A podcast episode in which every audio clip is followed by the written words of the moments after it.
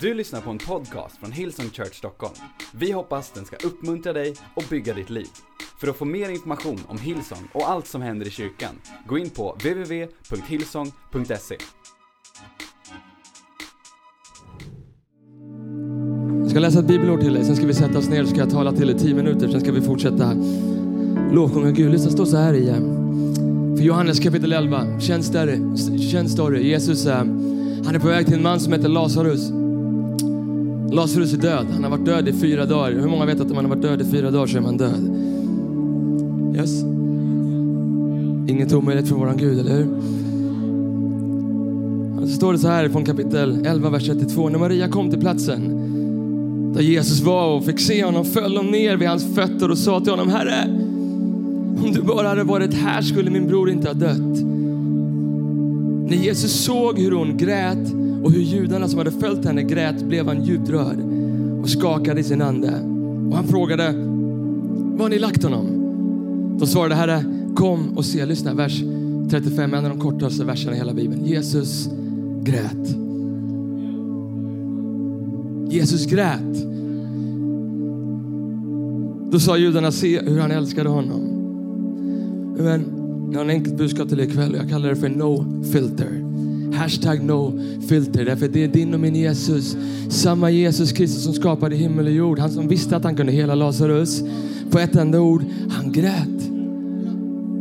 Ibland så lever du och jag våra liv med en massa filter och vi försöker, det är ungefär som Instagram, och du vet, så här, vi klär in saker och ting, till och med inför Gud. Och vi kommer in i våran lovsång och vi bara, this is my best worship mode. Du vet, min Gud och, och, och din Gud vill inte ha liksom fake lovsång, han har riktig lovsång i sanning. Come on, amen kanske man sätt dig ner två sekunder.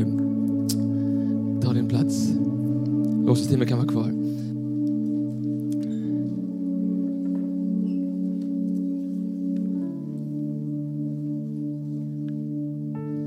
No filter. Du vet, ehm, det är din och min Gud som har kallat oss att leva liv utan filter. Du måste bara förstå den här storyn. Vi ska läsa slutet. Jag, jag, jag liksom lämnade det bästa till slut. Till sist. Du vet, eller hur? Man ska alltid lämna det bästa, bästa till det som kommer på. Men lyssna. Om du bara sätter in lite grann i storyn. Jesus, han är, han är liksom Maria och Marta, de här två tjejerna som ropar på Jesus. De är en del av liksom Jesus crew om du vill. Vi vet inte allt om Jesus. Vi vet ganska mycket om de så här, under och mirakel han gjorde och hans tjänst han gjorde. Men Vi vet ganska lite om hur han var liksom, som privatperson. Men det vi kan veta är att Maria och Marta och Lazarus som nu var död, de var liksom hans så här, BFFs. Vet du vad jag menar? De var i hans Hur vet jag det? Därför bara vi läser bara några verser innan, vi har inte tid att gå dit nu, men så står det att Maria skickar en lapp till Jesus och på den lappen står det, säg att han som Jesus älskade har dött. Står det inte ens hans namn. Så, så tajta var Jesus och Maria och Marta och Lazarus. Men jag, jag, jag älskar det här stället för det säger så sjukt mycket om våran frälsare. Så Jesus han dyker upp i scenen efter fyra dagar. Han har varit död i fyra dagar. Och när han, dyker, när dyker upp så är liksom Maria och Marta de är helt vansinniga på Jesus. De är arga på honom. Varför? Därför att det har tagit fyra dagar. Det är liksom en av dina bästa vänner, du, det tar fyra dagar. Det är som så här, ah, jag har lite mycket just nu. Viktig Xbox-match, det är så här, viktig Champions League på onsdag. Men sen kan jag komma på torsdag, det är söndag. Du vet så här. De är galna, hur vet vi det? Kolla här. Vi läser precis i vers 32. Herre, om du hade varit här skulle min bror inte ha dött. Vet du, teologen menar att eh, på den tiden att man var tvungen att vänta fyra dagar innan man kunde liksom så på riktigt dödsförklara en människa. Om du gör lite så här forskning i historien så vet du att när man väntade alltid, om en människa dog på den tiden så väntade man fyra dagar innan de var fullt av. För siffran tre, tre dagar, det var den tiden som Gud kunde få på sig att väcka upp någon människa. Så det fanns en anledning till att Gud, Jesus Kristus väntade fyra dagar. Så kanske det känns för dig också här inne. Det känns som att du vet att du bara, Gud, kunde du inte titta upp lite tidigare? Vet du vad jag älskar med din och min Gud? Att han inte är beroende av din och min tid. Amen. Det är som att Gud med flit, han säger när den här världen säger att det är kört, så är det fortfarande inte kört förrän jag har sagt att det är kört, eller hur? Amen. Kanske finns det inne och du känner som, jag vet inte, jag känner som att Gud har gett mig tio chanser och jag har failat varenda gång. Min vän, Gud har gett en elfte chans. Kanske finns det inne och du känner, jag vet inte hur länge jag ska längta efter att träffa min partner. Liksom. Det, var ditt, så här, det var din bön 2011, det var din bön 2012, det var din bön 2013 och några vill garva men jag menar på riktigt. Det är någon som har bett i 6-7 år här. Du ska träffa din partner och du har gett upp och du tänker, jag kommer få vara ensam i resten av ditt liv. Men Gud säger, du kommer inte vara det. Därför Gud spelar inte på den här världens tid. Amen. Och vi kan veta att de är desperata. Kan du höra desperationen i deras röst när de ropar, Herre, om du hade varit här skulle min bror inte ha dött, säger Maria. Hör du frustrationen i hennes röst? Hon är desperat. Han sa, Gud, Jesus, om du hade varit här, var, var var du någonstans? Vad, vad kunde varit viktigare än att du var här, att du mötte mig? Kanske det är precis din bön ikväll också. Gud, var du varit hela sommaren när jag ropar på dig? Var du varit varenda natt när jag har gått och lagt mig och mina tårar rinner? Vet du vad Jesus har varit med dig? Varenda sekund, varenda dag. Han har varit med dig. Så går vi några verser senare till vers 35, den där som jag ville stanna vid, som bara, när jag läste det bara högt till i mitt hjärta. Compassion Sunday, eller hur? Jesus fick medlidande för Maria när han såg att hon grät. Och det står i vers 35, det kunde ha stått så här, att när de ropade på Jesus så gick Jesus fram och sa, här är jag, eran frälsare, eran savior. I'm gonna heal Lazarus. Puff, puff, puff. Han kunde sagt så, eller hur? Han sa inte det. Jag tycker det är så sjukt, jag tycker det är så sjukt fascinerande, det är kanske bara jag som läser Bibeln, men vers 35, vad står det? Jesus grät. Samma Gud som vet att han om bara några verser kommer hela Lazarus. Varför gråter Jesus? Om han vet att han ska hela Lazarus, varför gråter han? Amen. Vet du vad jag tror att det är? Det är, det är en bild på din och min frälsare. Att han har sånt medlidande och sånt compassion så när han ser att du gråter, även fast han vet att han kommer ta dig till andra sidan, så gråter han när du gråter också. Han har inga filter, våran Gud. Och jag tror att det är en bild på hur Gud vill att vi ska leva våra liv utan filter. Inte massa liksom kladd och lägg till massa saker. Var precis som Gud vill att du ska vara. Men någon här inne, du, så här, du lägger på filter och du så här, manipulerar dig själv och du vet inte längre vem du själv är därför att du försöker bara prata och säga saker så att du passar in. Eller säga saker som man säger i ett kompisgäng fast det känns inte riktigt bra. Men vän, Gud har kallat dig precis som du är. Perfekt. With no filter.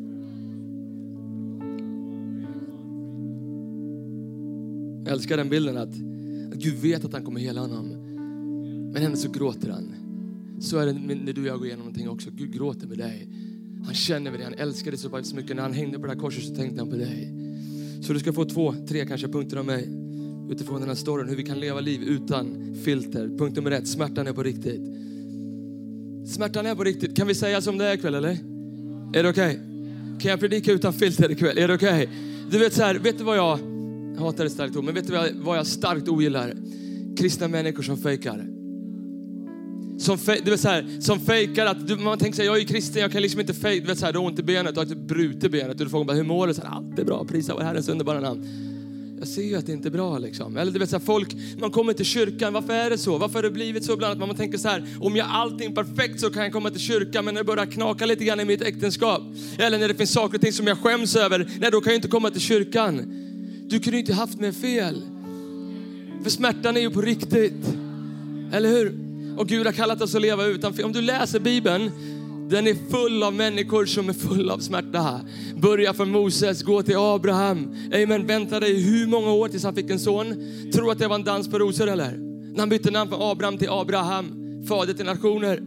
Tror att folk skarvar bakom ryggen på honom? Absolut. Amen. Eller Noa när han bygger en ark liksom, så här, mitt, på, mitt i öknen. Liksom. Du vet, folk måste ju bara, du vet här, smärtan är på riktigt. Eller, eller David, när han liksom är kung över hela Israels rike så är han otrogen. Han tar en annan mans hustru och han ligger med henne. Och det står att han försöker gömma det där först. Han drog sig undan från Gud. Och så kommer profeten Nathan till honom och så säger han till honom, älskade ställe från psalm 51 tror jag det är. Jag tror vi har det här. Vers 8. Så här säger David efter att Nathan uppenbarat hans synd. Han säger, du älskar sanning i hjärtat. Lär mig då vishet i mitt innersta. Amen. Du kan titta på folk på scenen, du kan titta på människor du ser uppe och du tänker det verkar vara så enkelt för er. Men vän, jag är lika mycket människa som du är. Och alla andra människor du ser uppe, de är lika mycket människa som du är. Men Jesus han flydde inte från smärta. Han flydde inte från medlidande. Han flydde inte. Och, och faktum är att han fick så mycket medlidande att han grät tänkte på det veckan. Igår så var vi nere i eh, Södertälje och vi var uppe i Märsta och vi delade ut nästan 500 ryggsäckar till, eh, till barn som inte har råd att köpa barn, till föräldrar som inte har råd att köpa ryggsäckar till sina barn. Och tänkte på det, jag satt eh, igår morse, jag satt i bilen med min son, han heter Adrian, han är sju år, han precis börjat ettan. Vi har precis så här, veckan innan vi har, så här, vi har köpt en ny ryggsäck till han. Han, you know, han kan peka på vad han vill. Inte att jag är superrik. Man kan, ni vet vad jag menar. Han kan peka på några shorts, jag kan köpa dem. Vi har valt några favoritshorts till honom, några nya innedojor, liksom, en grym så här, ryggsäck och lite andra grejer. Och så sitter vi i bilen och så berättar jag för Adrian att vi ska åka ner och ge ryggsäckar till barn som inte har råd. Eh, först känner jag varför? Ja, men så säger jag bara, därför att deras föräldrar har inte råd att köpa något. Så säger han varför då? Igen. Och när han säger det i bilen så är det som att det, det bara hugger tag i mitt hjärta. Jag bara, ja varför då? Varför är det så? Varför, har jag råd att köpa en ryggsäck men inte en annan förälder råd att köpa en ryggsäck? Och vi sitter där och jag ringer, jag ringer Adam som är med i Construct Team. Vi pratar lite grann om så här, siffrorna som finns i Sverige. Vet om att det finns 48 000 barn bara i Stockholm som lever i barnfattigdom. Så definitionen för barnfattigdom är att föräldrarna inte har råd att täcka de nödvändiga utgifterna. Typ telefonräkningen, hyran eller köpa en ryggsäck eller kläder till sina barn. I Södertälje där vi var igår så över 21 procent av alla barn lever i barnfattigdom. Det är över en av fem. Amen. Och vi kan vara inne och vi kan, vi kan leda lovsång och vi säger våra uppsträckta händer, vi kan prisa Gud, men om det inte resulterar i utsträckta händer mot en värld som behöver det. Amen. Det är så vi kallar det, att få compassion, att känna precis som Jesus. Vi borde känna precis likadant. Min vän, om du kan gå helt oberörd från den storyn så får jag be dig, be Gud röra vid ditt hjärta lite till. Och jag träffade en liten grabb, han gick i tvåan, han gick i trean tror jag, han precis började trean. Eh, Armand hette han. Jag träffade honom, han höll på Real Madrid och stod och tjötade lite grann om fotboll och så här. Och sen så, så fick han sin ryggsäck och han tittade i den så här. Och han bara, mannen! Så här, och han springer till Ica, det här är på riktigt, han springer till Ica, det var Ica det va Tigge? Ja, Ica, Brunstängs centrum. Han springer till Ica för där är hans polare. Han bara, så här, bror, jag svär! Så här, värsta vattenflaskan! Adidas och allting. Och du vet så här, och han kommer fram till mig och han säger, bror, bror jag svär, så här, min, min, min lillebror han ligger där hemma, han är sjuk. Alltså jag svär på Gud. jag vet inte om det, jag gör inte det så. Men, eh, ja men du ska få en ryggsäck till, det du vill ha, eller hur? Ja, du ska få en ryggsäck till. Så gick han därifrån, men vän lyssna. Precis så är det, smärtan är på riktigt ibland. För massor med barn runt om i våran stad. Och ska vi vara en kyrka som lever med massa filter och så här som bara, vet, så här, det är okej, okay, Instagram och liksom hype eh, söndag och det var hur bra som helst, One of Power, du vet så här, bra selfie, massa filter. Allt det där är bra, men vän, om inte våran lovsång blir på riktigt, om inte våra utsträckta händer också blir till utsträckta händer mot en värld som behöver det, amen. Vi kallade att leva utan filter. Vi kallade att känna någonting här inne i hjärtat. Det är min bön för våran höst. Att när vi lovsjunger Gud så skulle vi känna saker på insidan också. Att vi skulle vakna upp på nätterna och börja känna medlidande precis som Jesus känner medlidande. Amen. All right. Låt Gud röra vid ditt hjärta i höst. Stäng inte av. Be inte om ursäkt för att du gråter över orättvisor. Men vet du vad? Bli inte heller så kristen som börjar debattera överallt på nätet istället. Det är regeringens fel. Du vet, så här, det är alltid, Vadå? Hallå? Vi är så händer och fötter, eller hur? Ska vi börja så debattera, åh kommunen måste fixa mer ryggsäckar? Ja, det kanske de behöver göra. Faktum är att vi pratade med kommunen och fick inte ens, de ville inte ens ha hjälp. Skitsamma, vi kommer fortfarande köra. Eller hur? För vi är ju inte kallade, det står ju inte gå därför ut, Matteus 28, gå därför ut på era bloggar och på Facebook och Instagram och berätta hur dålig regeringen och kommunen är. Så står det inte. Gå därför ut och gör allt folk till mina lärjungar. Var mina händer, var mina fötter. Lev med no filter. Nej, men jag blev så sjukt taggad igår att vi ska göra mer sånt. Punkt nummer ett, smärtan är på riktigt. Punkt nummer två, men Gud är större. Hello. Men Gud är större. Gud är större än våran smärta. Du kanske vandrar genom dödsskuggans dal. Du kanske känner som att det här halvåret eller det, liksom det här året och du bara liksom lagt på filter efter filter efter filter för du kan inte tro längre på att Gud är större. Men lyssna, Gud säger till dig att även om du vandrar genom dödsskuggans dal så ska jag inte lämna dig. Det står inte även fast du stannar, ska, även fast du vandrar genom. Min vän, Gud vandrar genom dödsskuggans dal med dig. Han vandrar genom dina problem. Han vandrar genom dina misstag. Han vandrar genom tillsammans med dig när du känner att du har skam i ditt liv. Amen. Även om du vandrar genom dödsskuggans dal. Gud är större. Gud är större. Amen. Jag älskar slutet på den här storyn. Kolla från vers 38. Johannes kapitel 11, vers 38. Står det så här. Jesus blev åter djupt rörd. Lyssna, han fick compassion hela tiden, Jesus. Jesus blev åter djupt rörd i sitt inre och gick fram till graven. Det var en klippgrav med en sten på öppningen. Jesus sa, ta bort stenen. Den döde syster Marta sa till honom, Herre, han luktar redan. Det är fjärde dagen. Jesus sa till henne, har inte jag sagt till dig att du ska tro och du ska få se Guds härlighet. Då, då, då, tog de bort stenen och Jesus lyfte blicken mot himlen och sa, lyssna, utan filter igen. Far, jag prisar dig för att du hör mig. Jag vet att du alltid hör mig, men jag säger det här för att folk som står här, för att de ska tro att du har sänt mig. När han hade sagt detta ropade han med hög röst, Lazarus, kom ut!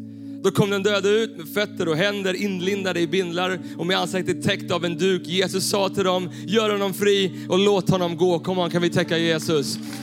Kom on, kan vi ta två sekunder och tacka Gud för att han är större än alla våra utmaningar. Men så finns det alltid några människor. Det finns alltid, det finns alltid några människor som missar allting, eller Eller? Det spelar ingen roll hur bra mötet var, det är alltid någonting. Kolla vers 46, versen efter 46. Det har kommit ut en död man, precis, som varit där, lyssna. ja, vi är galen. Vers 46. Men några av dem gick till fariseerna, alltså de proffskristna, de som ville döma och korsfästa Jesus senare, och berättade för dem vad Jesus hade gjort. Vet ni vad Jesus har gjort? Nu har han uppväckt en man som var död. Fy! Och vi kan garva, men det är alltid så. Det är alltid några människor som missar poängen. Du vet så här, 198 människor de sista två veckorna i Hillsong Church Stockholm har tagit emot Jesus. Men det är alltid någon som är, ja men jag är inte säker på det där ljuset. Jag tycker att det blinkar lite mycket på den här första låten. Hur andligt är det egentligen att hoppa i takt sådär? Det känns som någon form av masspsykos. Ja, men det var jättebra möte fram till kollekten. Ja, vad det jag visste, nu ska de samla in pengar igen liksom. Är ni inte här gratis? Va? Det är alltid, det är alltid vet så här, vi är inte sån kyrka, eller hur? Eller? Vi är inte en sån kyrka. Punkt nummer tre, om du vill leva ett liv utan filter, vet om det här. Det är alltid bara Jesus det handlar om. Amen. Och jag vet ibland att det inte är så populärt. Man kan säga att man tror på Gud, att man tror på något. Men när man säger att man tror på Jesus. Alla ni som går i skolan, jag vet hur det är. Säga att man tror på Jesus, det är en helt annan grej. Det blir inte tal icebreaker, eller hur? För, eh, för några veckor sedan, två veckor sedan, jag kom precis hem från semestern så, faktiskt när jag var på semestern så ringde en god vän till mig, Daniel Webb, och ringde mig på telefonen och sa, eh, hej, eh, jag skulle vilja ha hjälp med en sak och jag har en vän som en vän som har suttit inne nästan halva sitt liv i fängelset och han har kommit ut och han har liksom så här han har vänt hela sitt liv 180 liksom. Han har total, han liksom totalt börjat liksom göra upp med liksom allt det där som ligger i hans past. Och faktum är att han åker runt om hela Sverige och föreläser och hjälper unga människor att de inte ska fastna i ung kriminalitet och droger och andra saker. Och han har fått en, ett nytt liv och träffat en kvinna som han har förlovat sig med. De har fått ett barn som är lika gammal som min son Adrian, sju år. Och du vet så här, Gud har verkligen vänt saker. Han tror inte på Gud, men eh, trodde inte på Gud. Och han, eh, han, han ringer Daniel för att en dag så får han ett, ett fruktansvärt besked. Att hela hans, han, hela hans kropp är full av cancer. Och det går fort. Det går fort. Så när Daniel ringer mig så har läkarna skickat hem dem på en KI. Efter, liksom, de slutar med strålningen därför att det är it's over. De säger det är bättre och han säger ta mig hem, då vill jag hellre vara med min fästmö. Och han pratar med Daniel som han känner och han, de bestämmer sig för att de ska gifta sig. De vill gifta sig och de tror inte på Gud så de tänker vi går ju till liksom, stadshuvud, Var går man någonstans? Går man till liksom, Kungsholmen inför polisen eller någon annanstans? Eh, rådhuset då. Jag gillar att det fanns en man i vår kyrka som känner medlidande. Som bestämde sig för att vet du, jag, ska, jag ska tro på någonting mer än bara att det finns något. Jag tror på Jesus att han säger till dem, jag har en vän, han är pastor. Ska ni inte göra det äktenskapet inför Gud? Och de går med på att träffa mig. Så vi åker ut där en tisdag ut där de bor och vi sitter ner vid deras bord och vi pratar lite kort om hans cancer. Han sitter i rullstol, han är 45 år bara. Sitter i rullstol och hans unge som är sju år springer runt där och hans fru är där och vi börjar prata. Efter ett tag så, så frågar han om tror du på Gud? Och han svarar med att han säger, han säger så här, jag minns så tydligt, han säger jag tror på något. Jag tror på något. Och jag minns jag tog några sekunder, jag tittade på honom, Daniel sitter med runt bordet också, jag tittar på honom och jag säger så här, du kommer säkert hata mig nu. Du kommer säkert tycka att jag är så här proffsig och så fin som alla kristna men jag måste bara säga någonting till dig. Jag hade med mig min bibel jag sa den här bibeln, som jag tror på varenda ord, säger att det räcker inte med att tro på något. Det räcker inte att tro på något. Hey, men den här bibeln säger att om jag med min mun bekänner och mitt hjärta tror att Jesus är Guds son, att Gud uppväckte honom från de döda, då ska jag bli frälst. Min vän, du kan säkert hata mig för det, men jag måste bara säga, jag måste bara få ur det mitt hjärta, jag måste berätta för dig. Och, och, det är klart att jag kanske var lite utan filter när jag gjorde det. Och vi gick ut till den där bryggan, vi kollade på var de skulle gifta sig någonstans. Och jag kommer tillbaka så jag frågar honom, hej innan jag går får jag be för dig? Han säger, ja det får du gärna göra. Och han sitter i rullstolen och vi lägger händerna på honom. Vi ber en kort bön. En minut, två minuter. Vi ber att Jesus ska flytta in i hans hjärta. Att Jesus ska hela cancern, att Jesus ska göra någonting nytt i hans liv. Och jag säger amen och han fortsätter att blunda kanske 20-30 sekunder och så kollar han upp. Kollar han på Daniel, så kollar han på mig och säger han, vad är det jag känner? Och så andas han ut så här, vilken frid, säger han. Jag säger, det är Jesus. Det är Jesus. Det är Jesus som har flyttat in i ditt hjärta och hans tårar rinner.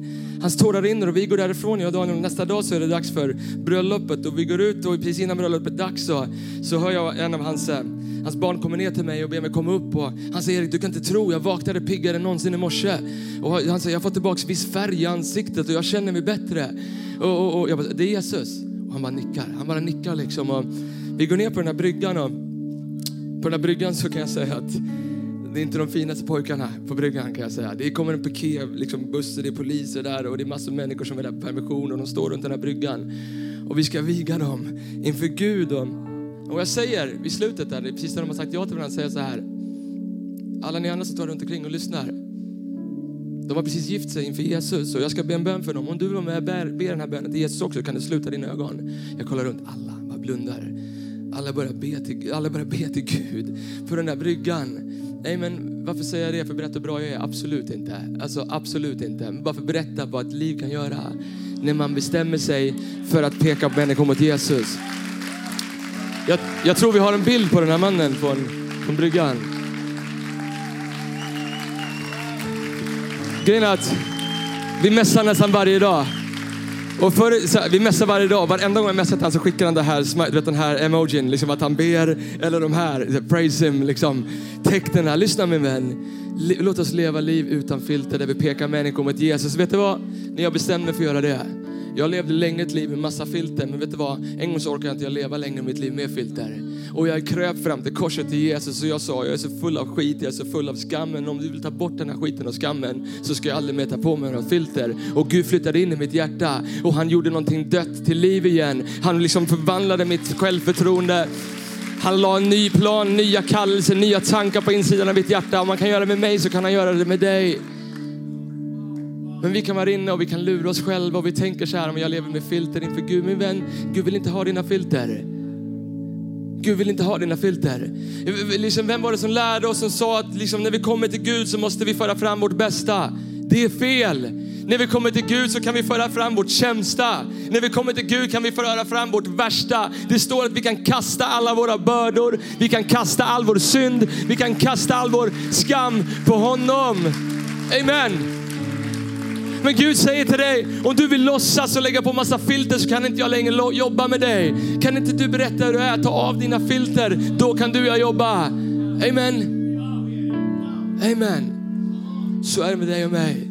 När vi tar av våra filter min vän, vi kan spela spel i kyrkan om du vill och låtsas att vissa är mer heliga. Eller så kan vi alla bestämma oss för att det har varit kört för oss allihopa. Om det inte vore för Jesus. Jag vill inte vara med. Och jag har hört ibland människor komma så här, de tänker, jag älskar Hillsong, ni är ni är så relevanta. Vet du vad, Andreas och Lina när de startade vår kyrka, inte en enda gång pratade vi om att vi skulle starta en relevant kyrka. Inte en enda gång. Men vi pratade om att vi ville starta en äkta kyrka som pratade så att människor förstod, som sjöng sånger som människor ville sjunga till, som hade pastorer och predikanter och ledare och knäckhusledare. som inte satte på sig massa filter utan som gick upp och berättade som det var. Äkta, inte relevant. Vi har aldrig drömt om att bygga en relevant kyrka. Vi drömmer om att bygga en äkta kyrka där Jesus är i centrum. Amen. Amen. Kom on, ska vi stå upp?